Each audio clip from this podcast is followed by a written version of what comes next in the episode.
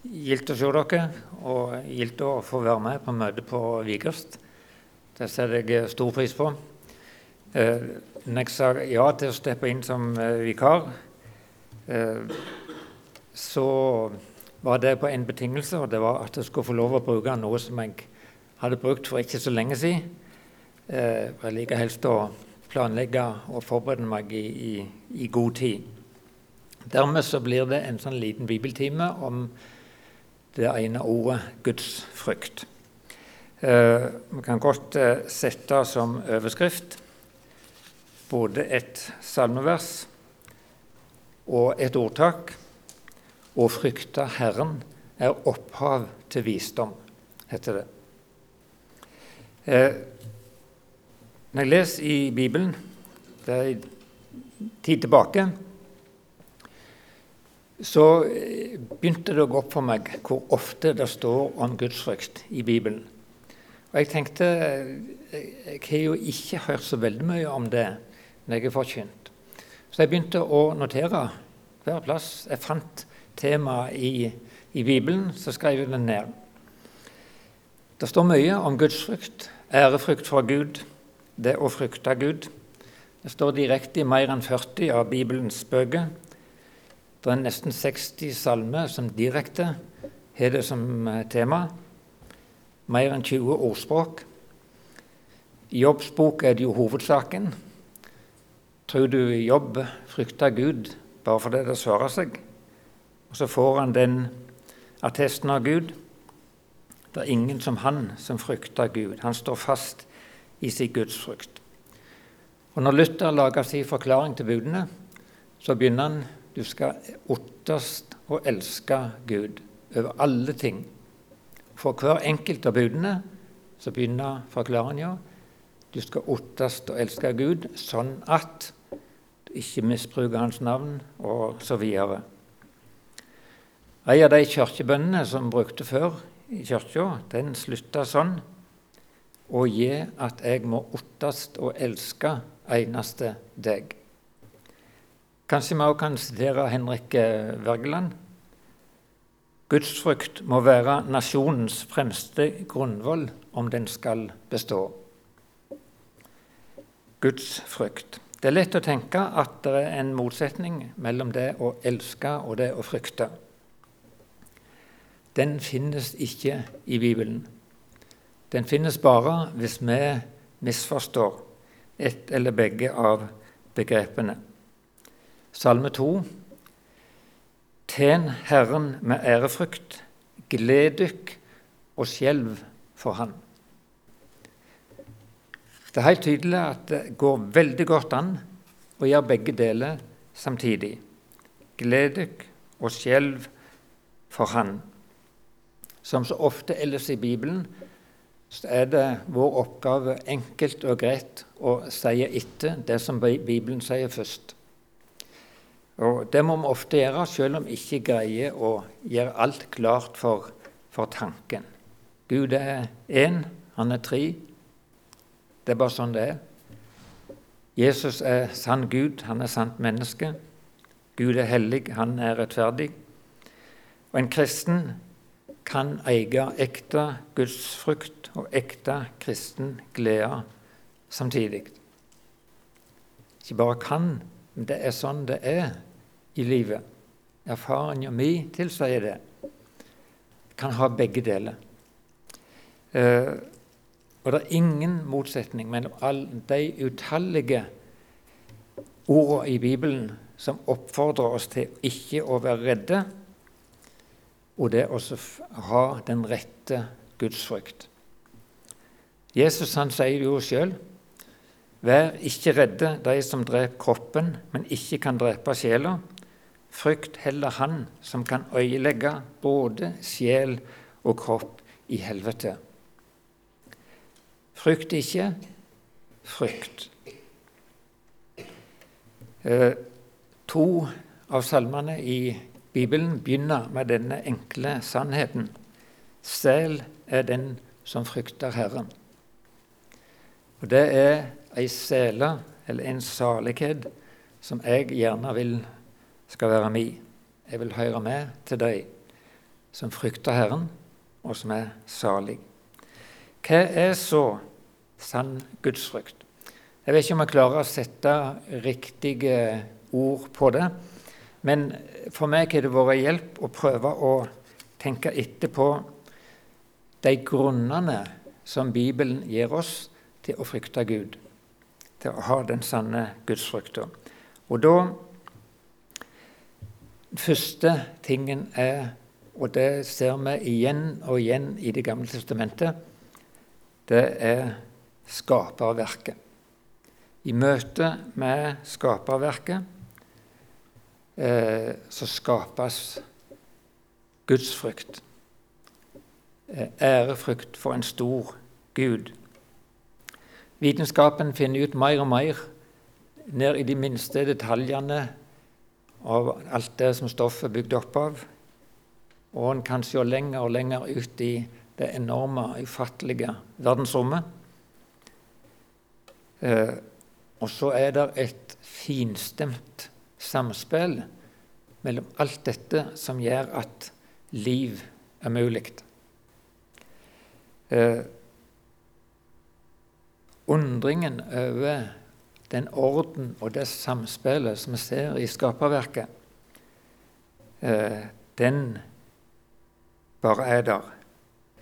Albert Einstein han eh, eh opptakte dette. Han sa på slutten av sitt liv Min respekt for skapelsesberetninga i Bibelen bare øker.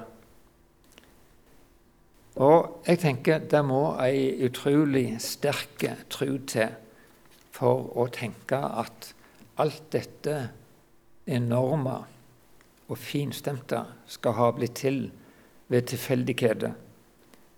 Oppstått av seg sjøl, av ingenting. Nei, det står en allmektig Gud, skaper av himmel og jord, bak. Han ba, og da sto det der. Så enkelt. Han er enestående. Alt det han vil, det gjør han. Gamle testamentet er full av eh, tanker om storheten i Guds skaperverk. Det skulle fylle oss med undring og ydmykhet, med respekt, med ærefrykt, ja, med gudsfrykt. For det andre så er gudsfrykt nært knytta til Guds navn. Navnet viser hvor stor Gud er. Han blir kalt for allhærs-Gud. Gud over hærskarene, den veldige. Jødene hadde så respekt for hans navn at de ikke kunne uttale det. De måtte bruke omskrivinger. Det andre budet heter du skal ikke misbruke Guds navn.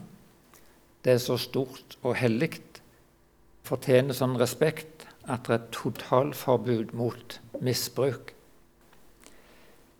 Første bønna i Fader vår La navnet ditt helgast. Jeg eh, skal bare lese noen av bønnene til David fra salmene. Herre, lær meg din vei, så jeg kan ferdast i di sanning. Gi meg et heilt hjerte, så jeg frykter ditt navn. De skal prise ditt navn, det er stort og vekker frykt. Navnet hans er heilagt. Det vekker, det vekker Guds frykt. Guds navn et navn som fortjener respekt, som fortjener, som skaper Guds frykt. Og Så er for det tredje gudsfrykten knytta til Guds ord. Er ikke mitt ord like en eld, sier Gud til Jeremia, like ei sledje som knuser berg. Og vi kjenner godt ordet fra hebreerne, ordet som er levende og virksomt, skarpere enn noe tviegga sverd. En viktig del av sann gudsfrykt det er å bøye seg i respekt for det som står skrevet. Holde fast på Guds ord. Ikke minst i dag er det viktig å holde det fram. Holde fast på ordet det er mer enn det å holde det for rett. Det er å høre det, ta imot det, lære det, og følge det. Moses han ga dette kjennetegnet på Guds hellige. De setter seg ned ved dine føtter og tar imot av dine ord. Manglende gudsfrukt kan fort føre til at en tar det mindre alvorlig med Guds ord. Det er i Ordspråkene kapittel 2 Det begynner med noe om dette, der det er veldig mange forskjellige verb som er brukt om forholdet til Guds ord. Sønnen min, om du tar imot ordene mine, gjøyme buda, lytter til, åpner hjertet for, kaller på, roper høyt etter, søker, leiter, da skal du lære å frykte Herren og finne ut hva det er å kjenne Gud.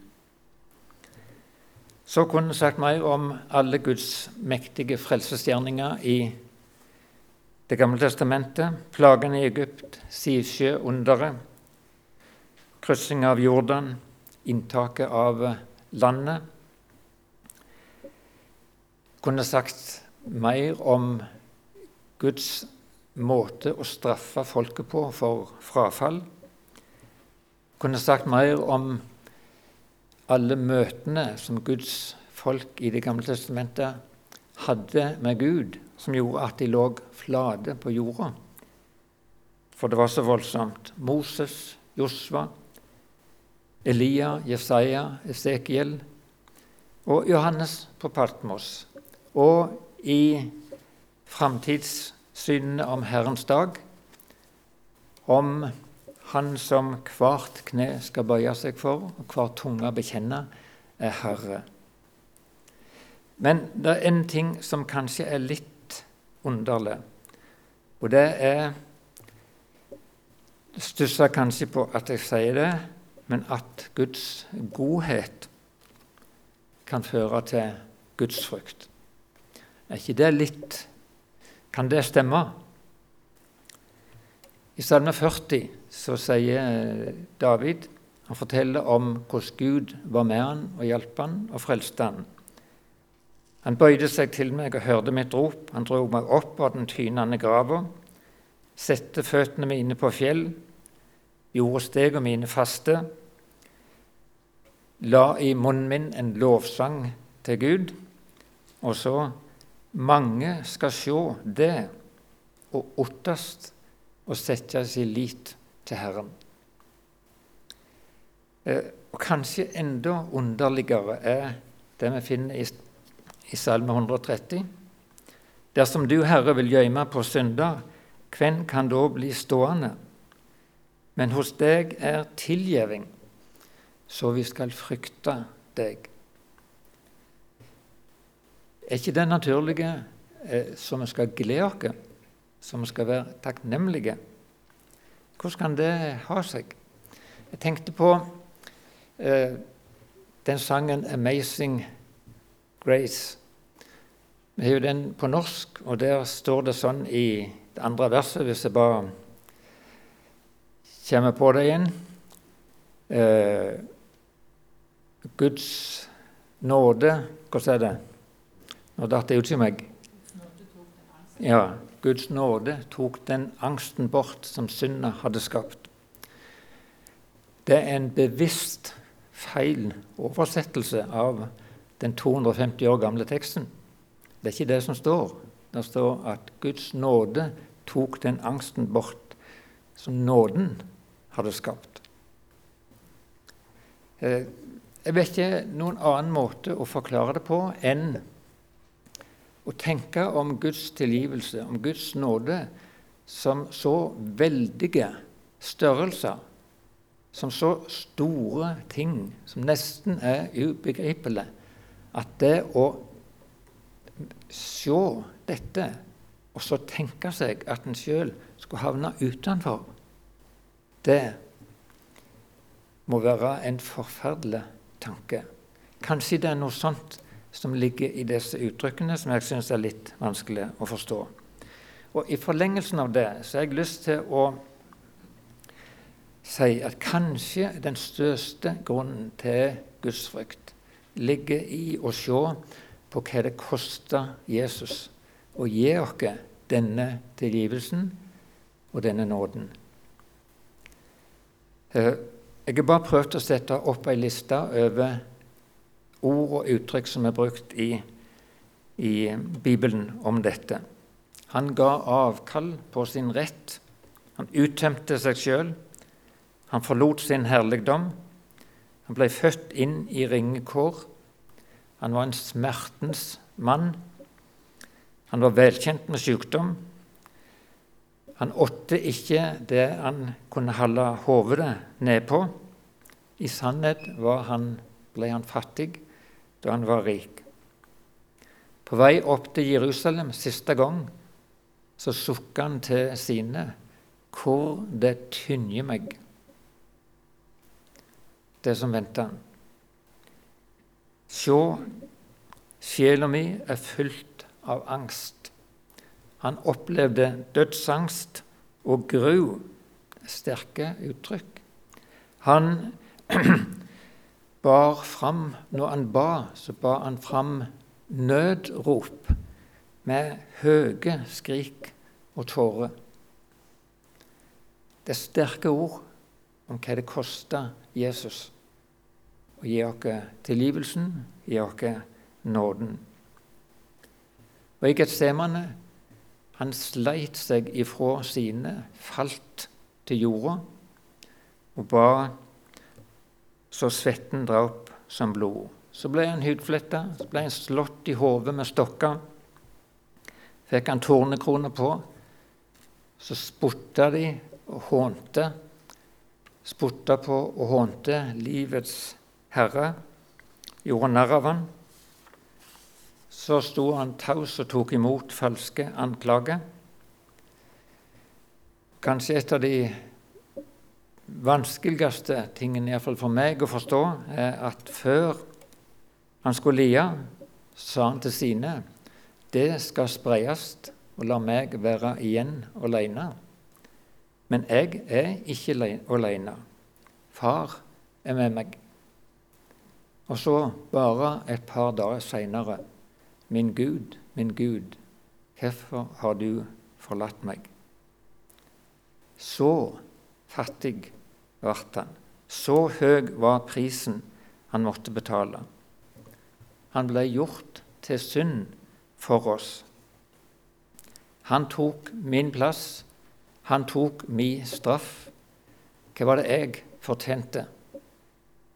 Jo, det var det som hebreerbrevet kaller det er forferdelig å falle i hendene på den levende Gud. Inn i den plassen gikk Jesus. Jeg tror det var det han opplevde. Det forferdelige ved å falle i hendene på den levende Gud, ved å ta vår straff. Er det noe som sterkere enn dette viser oss Guds storhet, Hans hellighet, Hans renhet? Å se dette skulle skape i oss den rette gudsfrykten.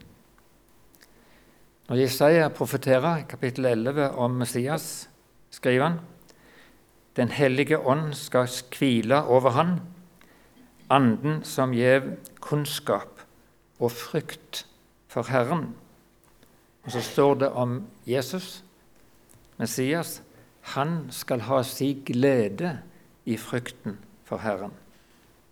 Det større og mektigere bildet vi har av Gud, det større blir det underet at Han elsker oss.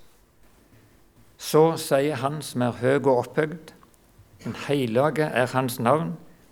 I det høge og hellige bor jeg, og hos den som er knust og nedbøyd i ånda. Kanskje vi kan beskrive evangeliet sånn. Frykten, det å bli en kristen, da er frykten for å komme nær en stor og hellig Gud bytta ut med frykten for å komme på avstand ifra Han. Da kan vi arbeide på vår frelse med respekt og ærefrykt, som Paul skriver. Ikke for å vinne noen fortjeneste hos Gud, men fordi det er Han som virker i oss både å vilje og gjøre etter Hans vilje. Og i tjenesten for Gud skriver Paulus fordi vi vet hva det er å ha ærefrykt for Herren, prøver vi å vinne mennesket. Og så bare noen vers seinere for Kristi kjærleik tvinger oss, så vi ikke lenger skal leve for oss sjøl, men for Han som døde og sto opp for oss. Å frykte Herren er opphav til visdom. Skal vi ta med ett godt ord om dette til slutt, også ifra salmene? Herren gleder seg over de som frykter Han, og venter på Hans miskunn. Det er godt å vite. Sånn gleder Han seg over meg når jeg får leve med den rette Guds frykt og vente på Hans miskunn.